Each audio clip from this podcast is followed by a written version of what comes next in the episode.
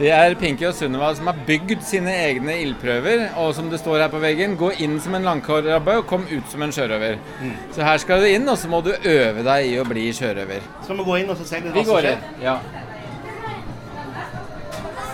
Her kan du gå litt hvilken vei du vil. Så hvis du følger etter meg nå, så må du, her må du lære deg å balansere. Det er jo viktig eh, når du er på en båt.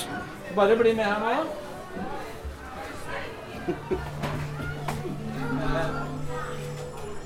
Her har eh, Pinky og Sunniva laget seg en, eh, en, en eh, de, de må jo øve på skattekart. Uh, og her har de laget seg en sånn at du kan dytte en diamant igjennom og følge et skattekart. Tre forskjellige kart. Så da kan du øve på å følge et skattekart.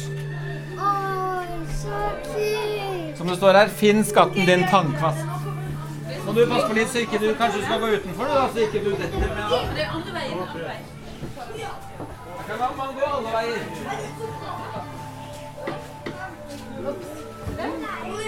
Da tenker jeg at du kan eh, lære deg å gå i masta.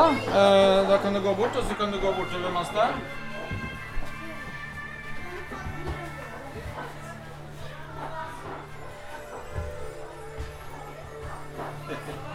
Klarer du å holde balansen, da? Nei, det vet jeg ikke. Nå gikk jeg Og her er jo hele rommet bygd skeivt, sånn at du virkelig skal kjenne på at når skuta er eh, skeiv, og få testa det. Og rundt svingen her så kan du lære deg å.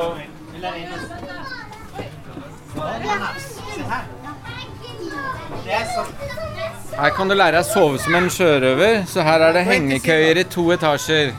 Og så er det klatreegg rett her. Her er det klatrer du i renningen, ser du. Så her har du på en måte renningen opp langs Den sorte dame. Og så har du vannet her nede, da. Så symbolsk. Vi må jo ha et, hvis man detter, så må det være litt mykt. Eh, så her kan du lære deg å klatre i renningen på en båt, da.